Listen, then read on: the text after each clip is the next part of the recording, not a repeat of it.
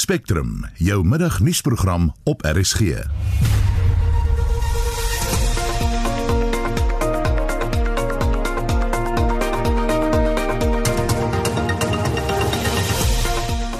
die volgende uur die jongste misdaadstatistiek toon 'n toename in moorde en verkrachtings. Die multimiljoenrandse asbestak audit korrupsiesaak is na die Hooggeregshof in Bloemfontein oorgeplaas.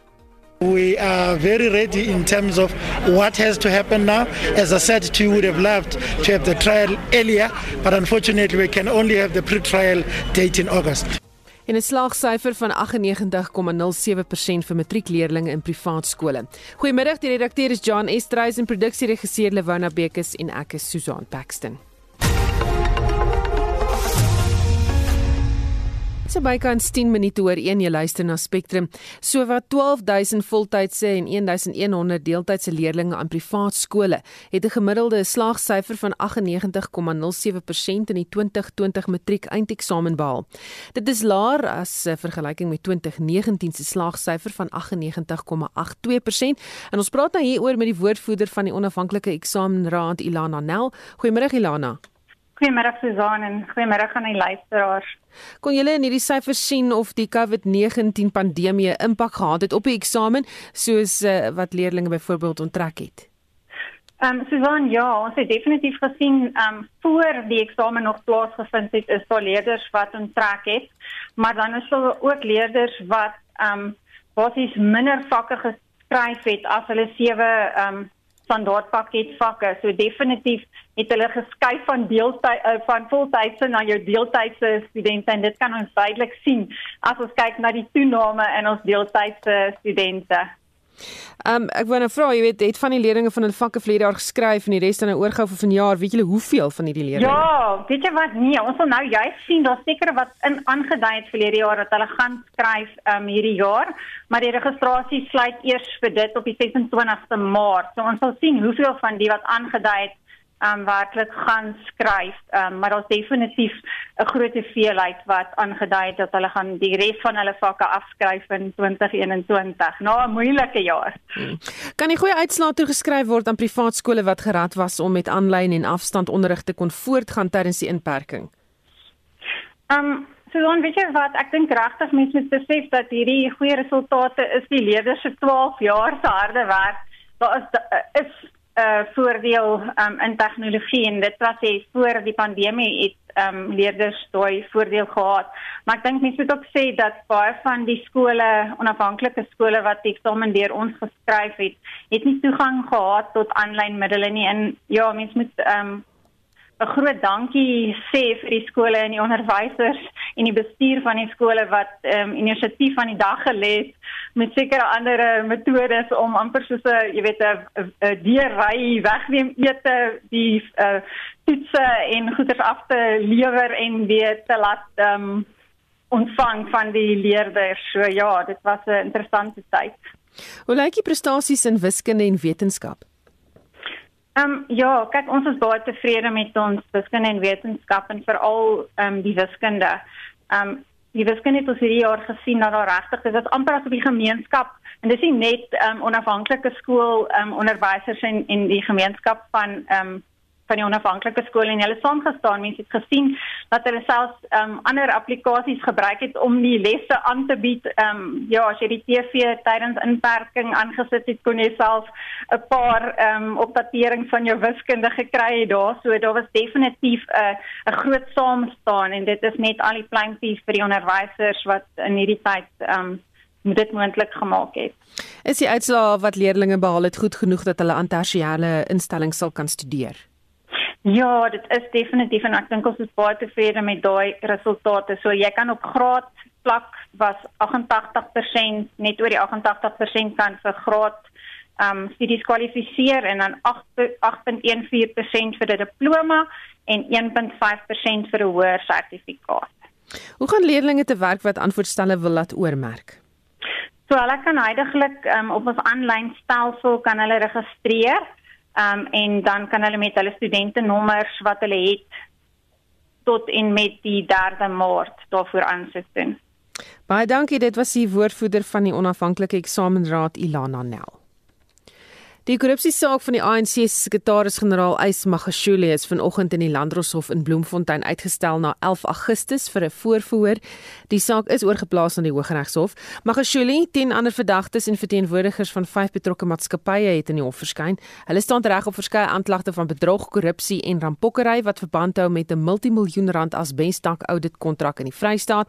En ons praat nou met ons verslaggewer by die hof, Makhala Masiteng. Good afternoon, Makhala. Good afternoon, Suzanne and the listeners. Who are the three new accused that appeared in the court this morning? Well, the three new accused include uh, Nosi Paul Mudigwe. She, she was rather the chief financial officer for the Department of Human Settlement from uh, uh, from December 2015 until March 2017. And the second one is Tabiso Makepe. He was the chief engineering of the Department of Human Settlement around uh, rather between April 2014 and March 2017. And the last one is Albertus Fender. He was with the Department of, or rather the legal department within the office of the Premier of the Free State. Were they granted bail? Yes, they were granted a bail of 50,000 rand each, and they will also be appearing with other accused on the 11th of August for the pre-trial proceedings. Now, the MPA said the investigation by all the authorities um, is completed. Have you spoken to the MPA? Yes, we did manage to speak to the NPA after the case, and they did confirm that the investigation is done, and they have uh, about um, uh, rather more than 40 uh, witnesses on this case, and they are saying that they are ready. Actually, they wanted this uh, the the date to be set uh, for May, uh, as early as May, but unfortunately, because other lawyers of the accused uh, were not going to be available for that date, the matter had to be uh, set for the 11th of, of August. But they did mention that they are uh, ready for this case and they will be ready, of course, to take this matter, or rather to tackle this matter at the High Court in the Free State.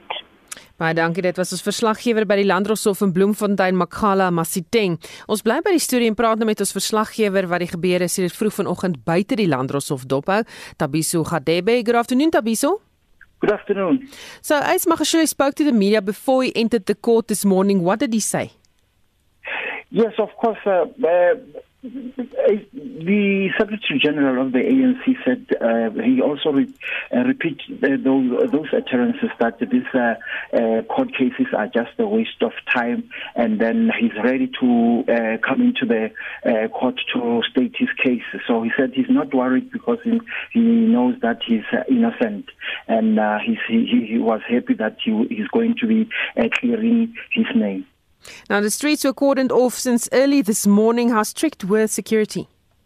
Yeah, the security it was very strict today in court because remember last time uh, ANC truck was just uh, a few meters away uh, from the the court, but today no one was allowed from the court, and uh, there was strong police uh, presence, and uh, police monitored the situation in and around Bloemfontein. Most of the streets, including President Brandt, were were closed today, so no one was uh, allowed to to to come near the court. Uh, but police said it when we spoke with the police in the morning, they did confirm that they were sort of uh, uh, trying to adhere, uh, assisting people to adhere to uh, regulations, uh, lockdown uh, regulations.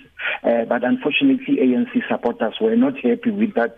They were not allowed to come, cl- rather, to go closer to the court, saying that they they are here, they are coming from Gauteng, they are coming from Limpopo, they are coming from the Eastern Cape to come and support their leader. They were not happy at all with with, with what was happening, especially uh, during the police presence, during the cordoned uh, areas of uh, the the street of uh, uh, I mean the street of uh, President Brandt.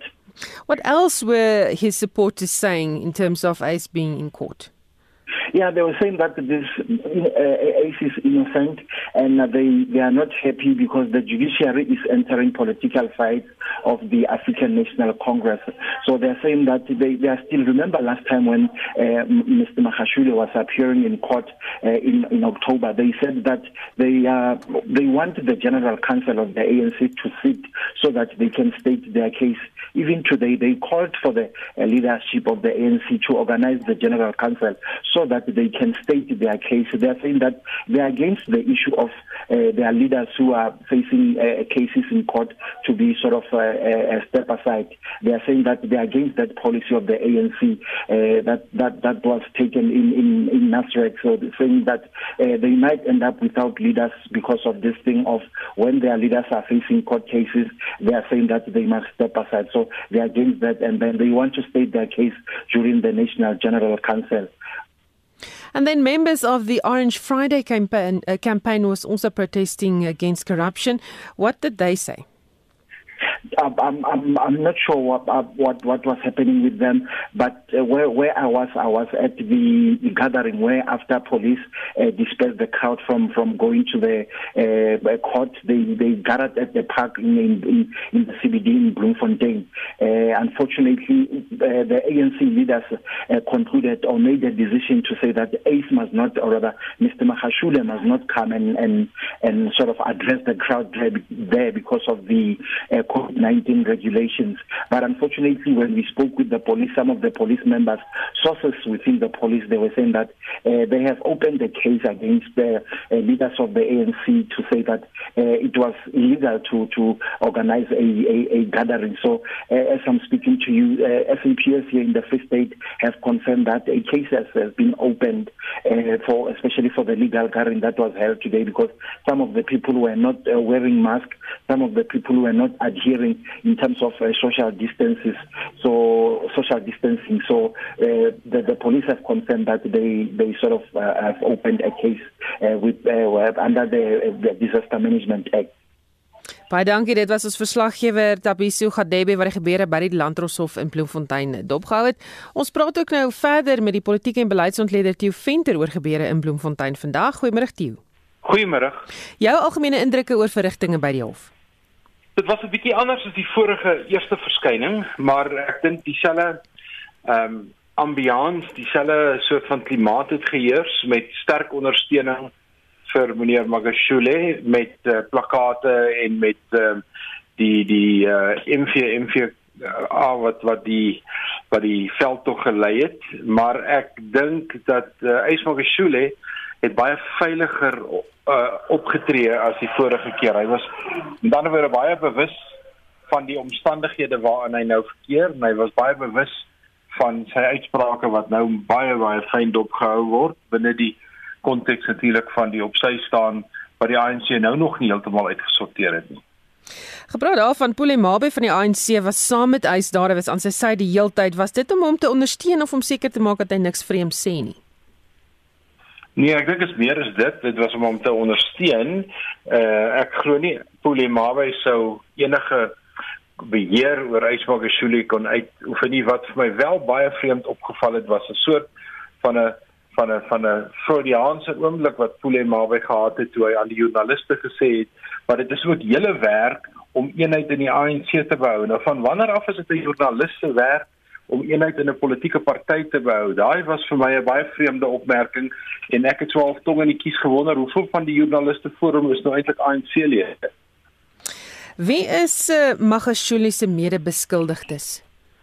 Wel daar nog drie bygekom en die meerderheid van hulle het ook al voor die Zondo-kommissie verskyn. Ek dink die interessantste ene is uh, is 'n is 'n meneer Venter, 'n regsverteenwoordiger wat baie van die verduidelikings vir die sondekommissie alreeds gedoen het en baie baie skerp vrae moes geantwoord het oor hoe op aarde het julle hierdie goed goedgekeur en wat was die reëls en die regulasies. Ehm um, en uh, die saak is natuurlik soos wat verwag word uitgestel na die Hooggeregshof toe van weer die omvang van die bedrag 225 miljoen of wat ook al. Dit is nie 'n landros aangeleentheid nie.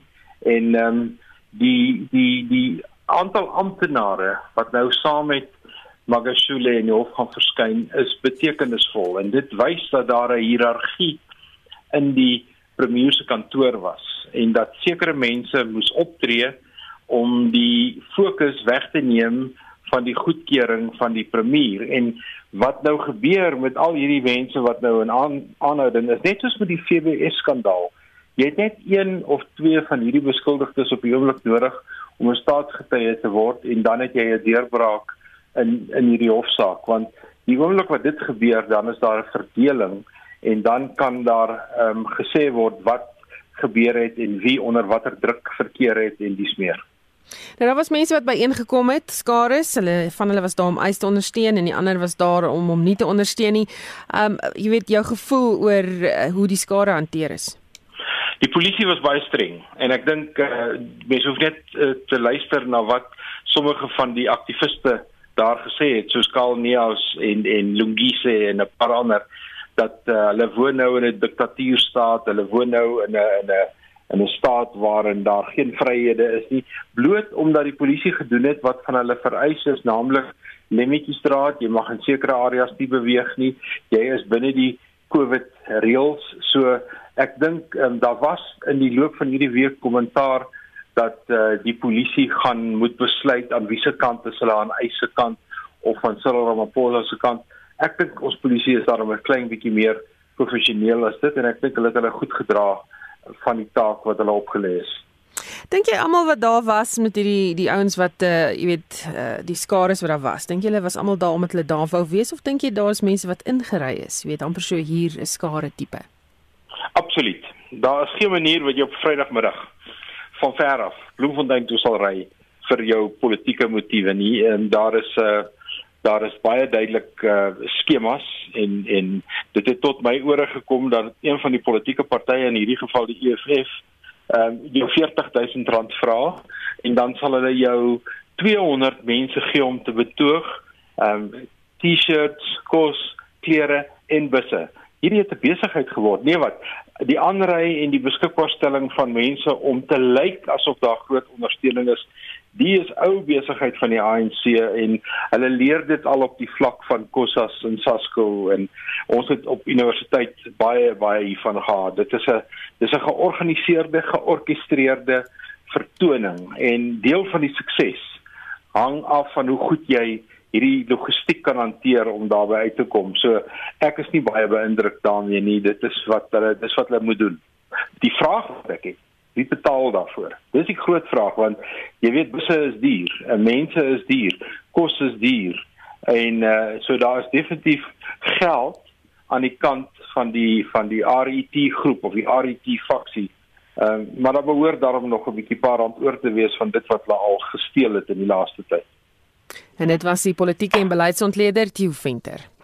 En ander nuus, onlangse studies het bevestig dat die Pfizer-BioNTech-enstof doeltreffend is in die voorkoming van ernstige vorms van COVID-19.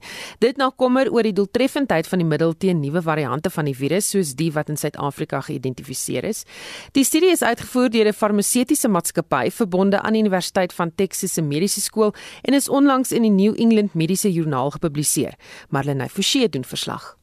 Professor Pyong Shi, 'n medeskrywer van die joernaal, sê hulle drie mutasies van die 501IV2 variant geskep en dit blootgestel aan bloedmonsters van mense wat albei dosisse van die enstof ontvang het. It reduce the neutralizing activity of the antibodies by twofold because the neutralizing antibodies is just one of the ways of our immune system to protect us after our vaccination. There are other protective immunity, such as the T cells and other immune responses, which will also come to play to protect us. So by reducing twofold of the antibody activity doesn't mean to reduce the efficacy at all. Hy sê selfs dit is 'n goeie beginpunt in die stryd teen die virus. Right now in the scientific field, we still don't know the minimum requirement of the antibody levels that is required to protect us from being infected or severe disease or death. So that number remains to be defined. So that's why I say by reducing two thirds, it might still be way above the threshold that is able to protect us from being infected and severe disease, particularly. Intussen glo hy dat boodskapper RNS tegnologie wat moontlik teen COVID-19 ingespan kan word, goed kan werk. is very flexible that is able to change the sequences based on the new variants and then put it into the same formulations that can be getting to the new booster format. But of course, there are still a lot of regulatory processes and the scientific validation needs to be done. And I'm sure that the companies are working very closely together with the regulatory agencies to get that channel approved so that if there is a need of doing so, that can be quickly delivered. Hy meen egter daar lê nog baie werk voor voordat Pfizer en ander maatskappye se enstowwe doeltreffend werk teen nuwe variante van COVID-19. We absolutely expect the virus will continue to evolve and the findings we identify with the Pfizer vaccine in general could be applicable to the other vaccines because the sequences one way or the other are very similar and I think the approaches we've been taken proactively to get those scientific foundations to give guidance to whether there is a need of a booster for the next generation of that vaccine. Dit was die adjunkvoorsitter van innovasie en kommersialisering aan die Universiteit van Texas se Mediese Skool vir Biochemie en Molekulêre Biologie, professor Pyong Shi. Hierdie verslag is saamgestel met hulp van Shawn Bryce Peace in New York, Marlene Forsie, SAK nuus. Jy luister na Spectrum elke weekmiddag tussen 1 en 2.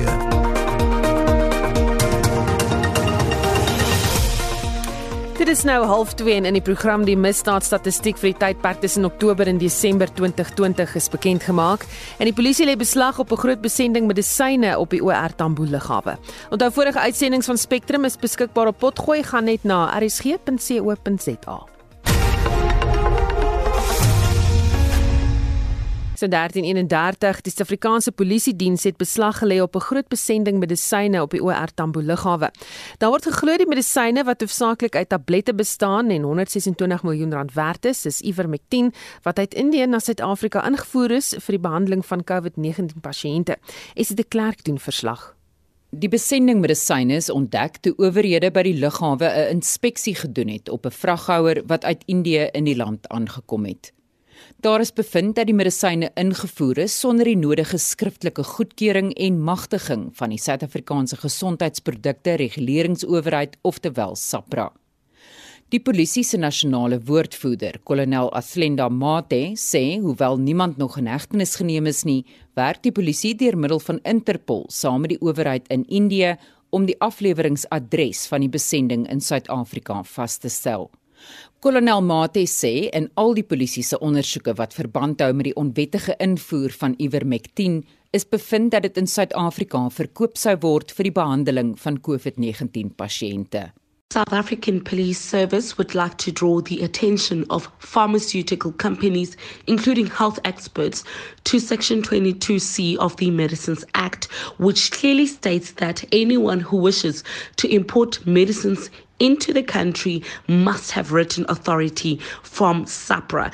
It should be noted that those who do not comply with the act will be apprehended and brought before a court of law to answer to the illegal dealing and or importation of unregistered medicines. Die beslaglegging van die besending medisyne is die grootste sedert die begin van die jaar. In Januarie is sewe verdagtes in hegtenis geneem vir die onwettige invoer van ongeregistreerde medisyne waarvan die meerderheid ook Ivermectin was. Een verdagte is by die Kinshasa internasionale lughawe in Durban vasgetrek en die ander 6 op OR Tambo. Al sewe verdagtes het intussen in die hof verskyn en is op borgtog vrygelaat. Kolonel Mate sê intussen het die polisie gistermiddag laat beslag gelê op nog 'n besending onwettige medisyne wat in die land ingevoer is en hulle is in die proses om saam met SAPRA vas te stel watter medisyne dit is en hoeveel dit werd is. Ek is Estie de Klerk vir SAK nuus. Die aktrise Ashley Judd herstel tans in hospitaal in Suid-Afrika nadat sy haar been gebreek het in 'n woud in die Demokratiese Republiek van die Kongo. Sy was besig met 'n projek oor ape toe sy in swak lig oor 'n boomwortel gestruikel het. Judd vertel sy het 5 ure in pyn op die grond gelê, onwetend dat haar been op 4 plekke gebreek was en dat sy senuweeskade opgedoen het. 'n Man genaamd Dio Merci het haar been bo oor syne gehou vir die tydperk totdat nog 'n man genaamd uh, Papa Jean by haar gekom het en die been ondersoek het. Papa Jean vertel Judd het haar toe op 'n stok laat by terwyl hy haar been gespalk het sodat sy vervoer kon word. Judd het uit haar hospitaalbed 'n onderhoud gedoen met die New York Times. I was doing what I always do up at 4:30 in the morning with um, two of our trackers who are just these world-class, brilliant, brilliant men walking in the dark. And my headlamp had new batteries, but it was a little faint. It wasn't working quite properly. And I've come down Half Dome in Yosemite under a full moon. I can walk in partial light. But accidents happen, and there was a fallen tree on the path which I didn't see and I had a you know very powerful stride going and I just fell over this tree and as I was breaking my leg I knew it was being broken. Sy is daarna bedraagbaar uit die woud gedra, op 'n motorfiets gelaai en vandaan na Suid-Afrika vervoer. Sy het haar dankbaarheid teenoor almal wat haar gehelp het in die Kongo en Suid-Afrika uitgespreek. I am in an ICU trauma unit in beautiful South Africa, which has taken me in from the Congo, a country I deeply love, which is not unfortunately equipped to deal with massive catastrophic injuries like I have had. And in that sense, you know, I'm just a regular, normal Congolese person who had a really bad accident. And the difference between a Congolese person in me is disaster insurance. En dit was die aktrise Ashley Judd wat uit haar hospitaalbed in Suid-Afrika die onderhoud gedoen het. Nou ja, dit gaan goed met Oshaka Aquarium in Durban se jongste besoeker van Antarktika, Dobby die olifant Rob en ons gaan kyk of ons met Armand de Koker, 'n dieregedragspesialis by Oshaka kan praat. Goeiemiddag um, Armand. Goeiemiddag. Vertel net weer vir ons waar is Dobby gekry?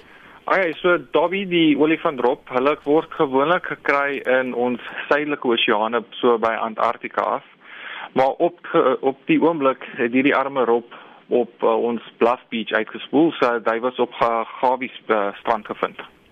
Dis dit vreemd om 'n olifant drop hier te vind. Ja, nee, dis baie vreemd want gewoonlik kry ons hierdie robbe in baie koue toestande en hulle leef op eilande wat sneeu het. So met hulle hulle duik af na gewoonlik na so 500 meter om vis te kry en daar is 'n rekord gevind waar hulle afgegaan het na 1500 meter vir so 2 ure. Sjoe. Uh vertel ons 'n bietjie meer van hierdie robspesie. Okay, so hulle word hulle uh, die wyfies word tussen 150 kg en so 200 kg en dan die mannetjies gaan opwaarts tussen 500 en 700 kg en hulle word so 2 tot 3 meter lank. Dis nogals groot en swaar, nee, is hulle aggressief? Ja. Um, hulle kan wees uh, as veral as hulle honger is, maar op die oomblik is die Dobby 'n baie soet dierbare dier. Um en baie oulik. Seker hy kry genoeg kos. Word nee, daar effe meer diere in ons waters gevind wat nie natuurlik hier voorkom nie en hoekom sou dit wees? Okay, so ons wat ons vermoed is op die oomblik dat ons hierdie skaars robbe kry soos wat Ragnar was en Dobby. Um die rede is wat ons daarvoor dink op die oomblik is dit 'n klimaatsverandering. Um veral die hitte wat so verander in die oseane veral verder af suid en met die feit dat ons meer vis eet, so ons vis stok depleet op die oomblik. So dit maak dit moeilik vir hulle om te gaan vis soek, veral daai deel van die oseane waar daar trollers is om vis te kry. So dan kom hulle nader aan die kuste waar daar meer um vis is en minder diepsee visvangers is. Nog iets interessants wat aan die gebeur is is dat honderde seeskilpaaie in Texas deur die owerheid daar uit die see gehaal word weens die koue. Vertel 'n bietjie vir ons wat gaan daaraan? Okay, so met die skilpaaie daar op die oomblik, ehm um, kry Texas soos wat ons se koue front het, hulle baie koue klimaat wat hulle nou ehm um, ervaar. So met dit maak dit die kuswater, so die oseaan waar die skilpaaie gewoonlik in gevind word, maak dit dit koud ook. En met die koue water van Antarktika af opkom, forceer dit die skilpaaie wat gewoonlik koudbloedig is om op te gaan na die uh, oseaanse oppervlakte om suurstof te kry. So met hulle wat koue bloedig is, veroorsaak dit soos om hulle hulle spiere, hulle basiese lewenswyse word nou benadeel omdat hulle te kort om asem te haal, te beweeg en normaalweg aangaan. Hulle soos 'n slang basies op die einde van die dag. So met dit spoel die skilpaaie uit want hulle soek nou 'n hittebron om normaal te kan funksie. Mm, en dit lyk vir my is moeilik om hulle warm te kry want daar's nie krag regtig in Texas nie. Die storm is nogals erg. Ja, so wat hulle sal gewoonlik gedraai dak word en dan sal daar soos ligte en goed vir hulle gegee word.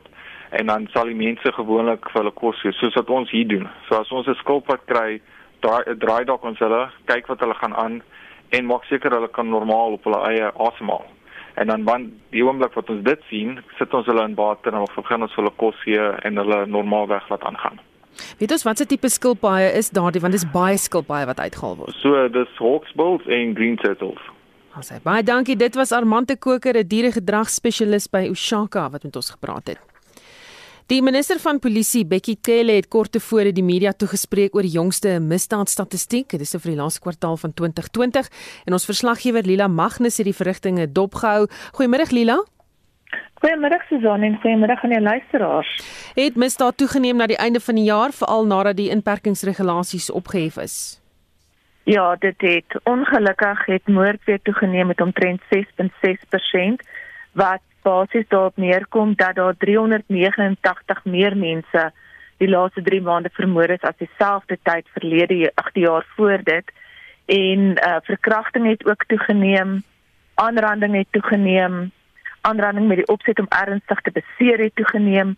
So al die kontakmisdade het toegeneem die laaste ruk en veral roof van ehm um, geldwaarvoertuie het toegeneem en van besighede het en vragmotors het het die hoogte ingeskiet. Is daar enige verbeteringe aangemeld? Wel, uh, uh, die president Agminister ehm um, het gesê daar's vier provinsies waar hy bekommerd is.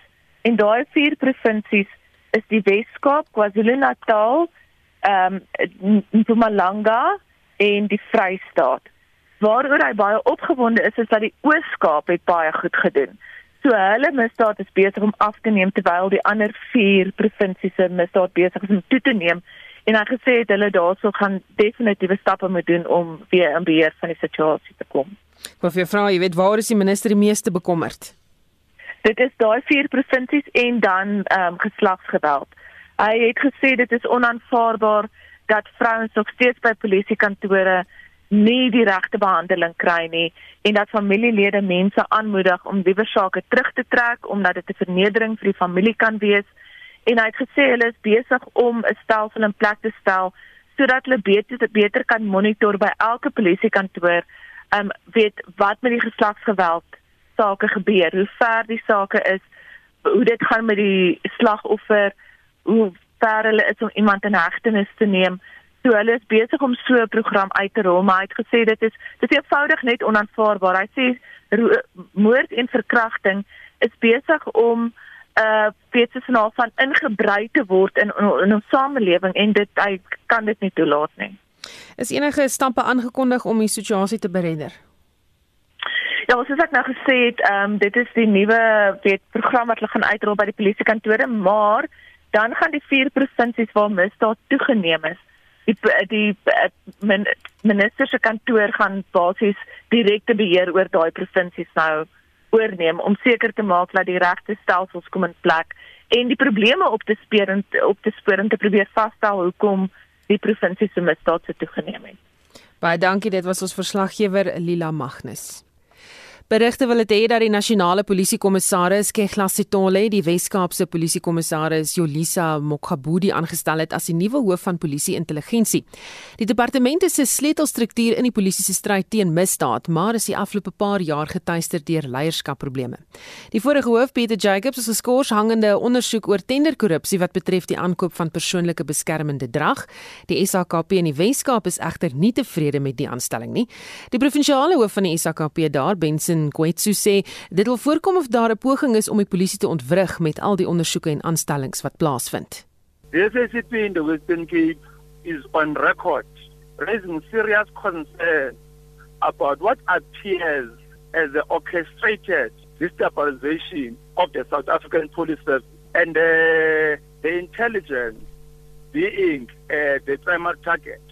One, let me talk about the Western Cape because we have learned that the new acting uh, for the intelligence is the Provincial Commissioner, Yoli Zamatarat. I'm aware that uh, there's a new name according to the media. Now, Matagata has less than two years as a Provincial Commissioner. And uh, before that, there hasn't been stability since Commissioner Petros left years ago. Now, what does that mean? Whose interest does this state of instability at that level serve? Remember, mm. there are serious issues in the Western Cape with respect to crime, corruption, and then now the issue of extortion. Dit was die provinsiale hoof van die SAKP in die Weskaap, Benson Kwetsu wat vroeër op SAFM gepraat het. Die jongste uitslag van 'n deurlopende landwyse studie oor die nasionale inkomste dinamiek te midde van die pandemie, CRAMS, toon dat werksgeleenthede die afgelope 3 maande stelselmatig begin toeneem het. Navorsers sê egter hongersnood onder veral kinders bly toeneem. Marlenae Forsie berig minstens 6000 mense neem nou reeds sedert die begin van die pandemie deel aan die opnames. Die Wits Universiteit asook die Universiteit Stellenbosch en die Universiteit van Kaapstad werk saam aan die projek. Die aantal deelnemers wat werk het, het in Oktober verlede jaar na 55% gestyg in vergelyking met 48% in Junie. Maar hiermee saam het hongersnood onder veral kinders ook toegeneem. 'n Professor in ekonomie aan die Universiteit Stellenbosch, Servaasne Berg, sê daar is 'n een eenvoudige verduideliking. Hierdie herstel lyk like asof hy ook te doen het met die herstrukturering. So baie van die mense wat werk gekry het, is nie noodwendig dieselfde mense wat werk gehad het tevore nie. Uh veral vrouens het nie maklik weer werk gekry nie terwyl mans dit meer gereedelik gekry het. Ons vermoed dat dit baie van hierdie werkgeleenthede dalk ook aan die laer kant is met ander woorde lae en relatief lae lone omdat mense in hierdie omstandighede meer bereid is om laer lone te aanvaar. Voedselsekuriteit lê hieronder. Ons vra vir mense of hulle in die in die vorige maand by geleenthede dalk geld kort gekom het om kos te koop. Dan vra ons hulle of enige iemand in die huishouding honger gely het in die afgelope week.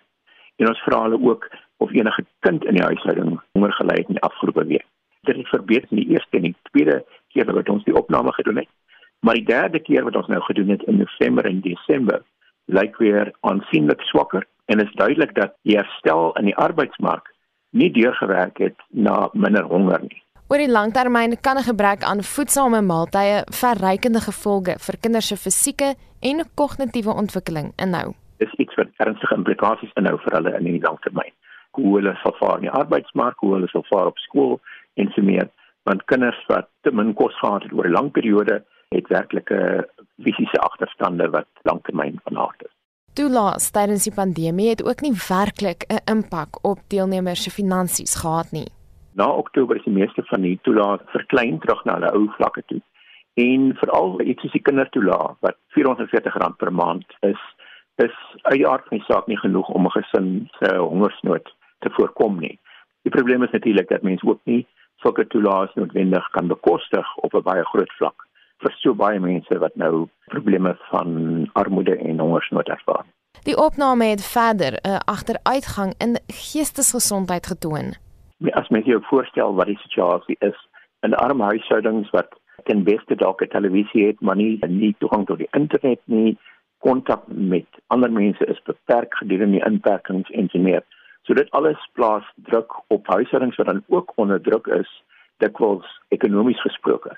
Onsekerheid onder kinders oor skole wat toemaak en uh, wanneer hulle weer sal oopmaak en of hulle sal deurkom daardie soort goeders het baie groter geword in hierdie periode So mens kan verwag dat daar groot probleme is. Die en ander navorsing toon dat die agteruitgang in geestesgesondheid 'n beduidende probleem is en dikwels ontaard in huishoudelike geweld. Geweld teen vrouens en kinders is iets wat ons weet toegeneem het. Dit is natuurlik baie moeiliker om harde syfers hieroor te kry, maar ons weet dat dit 'n ernstige probleem is en dit 'n probleem is wat natuurlik baie erger is tydens hierdie pandemie as wat dit in ander periodes is. Dit was 'n professor in ekonomie aan die Universiteit Stellenbosch, Servaas van der Berg. Hy is een van die navorsers wat deel vorm van navorsing oor die nasionale inkomste dinamiek te midde van die pandemie. Marlene Forsie, SAK nuus. Matrikulante wat die onafhanklike eksamenraad se eksamen geskryf het, beplan nou aan hulle toekoms. Die groep matriek het 'n uitsonderlike jaar met eie soortige uitdagings beleef, soos om aanlyn klas te hê en selfstudie te doen as gevolg van die COVID-19 pandemie. Veronica Fourie doen verslag. Die St Dominic skool in Port Elizabeth is een van die uitblinkerskole in die provinsie. Die skool het vanjaar weer 'n 100% slaagsyfer. Vader Grant James is opgewonde oor die 70 onderskeidings van die skool se 54 matrikulante. Uh, we were able to harness Google Apps for Education. We were able to record and send lessons to the, the pupils initially. Later on, we were able to host interactive live teaching lessons. And, and this provided a platform for interaction between the, the children, the, the pupils, and the, the teachers. And also many hours by the pupils after, after school uh, doing past papers. Uh, great dedication on their part. Die leerders van die Theodore Herzl Hoërskool in Port Elizabeth sê dit het baie toewyding en selfdissipline gekos om aan te pas by die ander soorte gedruk van die skool in 2020. Die skool het ook 'n 100% slaagsyfer. Opgewonde jong mense het een vir een hulle uitslae ontvang. Thank you to all the teachers at Theodore Herzl High School for all their help during the year so I can get my great matric results. I'm so happy and it's all thanks to them with all the constant Zoom sessions in, at 7.30 in the morning and also the Kahoot quizzes during break. It was so wonderful and I thank them all. And I'm so happy to take my eight distinctions and go study a BSc in Stellenbosch and hopefully become a biomedical engineer. Um, I just want to say a big thank you to all the teachers at Theodore for their support and getting me through the year. I'm happy with my seven seven distinctions, and I'm very excited to study accounting this year. Um, I must admit, a lot of it wouldn't be possible without the help of the Theodore teachers and staff. The online learning was definitely something new, and I'm going to Cape Town to study a Bachelor of Science, majoring in computer science with the six distinctions I achieved. Skoolhoofde beplan reeds vir moontlike uitdagings vir die jaar. By Woodridge College now naby Uitenhaag sê skoolhoof Derek Bradley hulle maak voorsiening vir 'n moontlike derde golf van die pandemie later vanjaar. That obviously may end up in, a, in some form of lockdown. We've been very fortunate though that prior to our opening on the 1st of February for 2 weeks before that we were able to teach online. There's no inter-school sport at the moment and this is obviously very frustrating for both the the pupils uh, and staff and parents. Other challenges would be around uh, functions like matric dances and the like. We go ahead as normal and we are not platooning like uh, the state schools, but we do look forward to a, good year at Woodridge. Twee Oos-Kaapse leerdlinge is van die land se toppresteerders in die onafhanklike eksamenraad se matriekuitslae. Talia Aliber van Kingswood College in Makanda is op die nasionale presteerderslys en Sarah Cosland van die Maryvale College in Oos-London is bo aan die lys vir uitstaande presteerders. Veronica Fourie in Port Elizabeth. Die Suid-Afrikaanse Reserwebank het die langtermynverbod op boogstrukture opgehef. Een van die direkteure van die Soewereine Trust van Suid-Afrika, Corin van Deventer, verduidelik hoe dit nou gaan werk. So dit beteken dat wanneer 'n Suid-Afrikaner direk of indirek via 'n buitelandse struktuur, en as ek nou sê struktuur dan kom ons praat nou sommer van 'n maatskappy, bates terug sou besit in Suid-Afrika. So jy het byvoorbeeld 'n Mauritius maatskappy en die aandeelhouers daarvan is Suid-Afrikaners. Hulle mag dan nie die fondse van daai Mauritius maatskappy gebruik het om terug te belê, eiendom te koop in Suid-Afrika of aandele van 'n Suid-Afrikaanse maatskappy te besit nie. Of 'n ander voorbeeld is waar jy Suid-Afrikaners gehad het wat begunstigdes is van 'n buitelandse trust. Daai trust besit dan die aandele in die buitelandse maatskappy en self onder daai omstandighede mag daai maatskappy ook nie bates besit dit hier in Suid-Afrika nie. Daar was later het dit ontwikkel dat daar veranderinge was so ons het laas jaar gesien dat Suid-Afrikaners 'n maksimum van 40% kon besit in 'n buitelandse maatskappy en as dit nie meer is nie, dan mag daai buitelandse maatskappy eiendom of bates in Suid-Afrika besit het. Nou het dit so verander dat ongeag wat die presentasie aandelehouding of eienaarskap in daai buitelandse struktuur is, jy mag terugbelê in Suid-Afrika. Dis 'n goeie besluit. Ek dink dit is definitief 'n goeie besluit. Kyk, dit beteken dat die ekonomie van Suid-Afrika verder gestimuleer gaan word. As ek ek sê altyd as ek 'n R100 gekry het vir elke kliënt van ons by Sovereign Trust wat gevra het, kan my buitelandse struktuur terugbelê in Suid-Afrika, kan ek eiendom koop, dan was ek nou al baie ryk en self afgetree. So Eerstens gaan dit die ekonomie stimuleer. Tweedens gaan daar ekstra belasting wees vir ons ehm um, inkomstebelastingdiens. Want wat gaan gebeur is as jy eiendom koop en die waarde het gegroei, jy gaan kapitaalwinsbelasting aan SARS moet oorbetaal. As daar aandele gekoop word, aandele het gegroei, weer eens jy gaan kapitaalwinsbelasting moet betaal. Daar gaan dividende dan uitgeklaar moet word. Suid-Afrika is geregtig op 20% dividendbelasting. Dit is nou onderhewig aan dubbelbelasting ooreenkomste, dan kom ons ons kan nie die standaard uitgangspunt is 20%.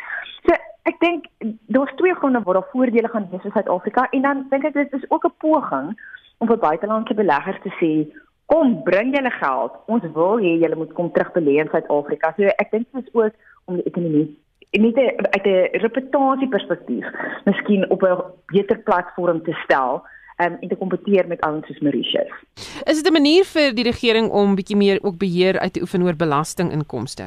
So ek weet nie. Ehm um, ek dink waarmee ons gesukkel het en wat ons nie kon verstaan vir baie jare nie is hoekom sou valuta beheer inkomstebelasting ontduiking probeer beperk.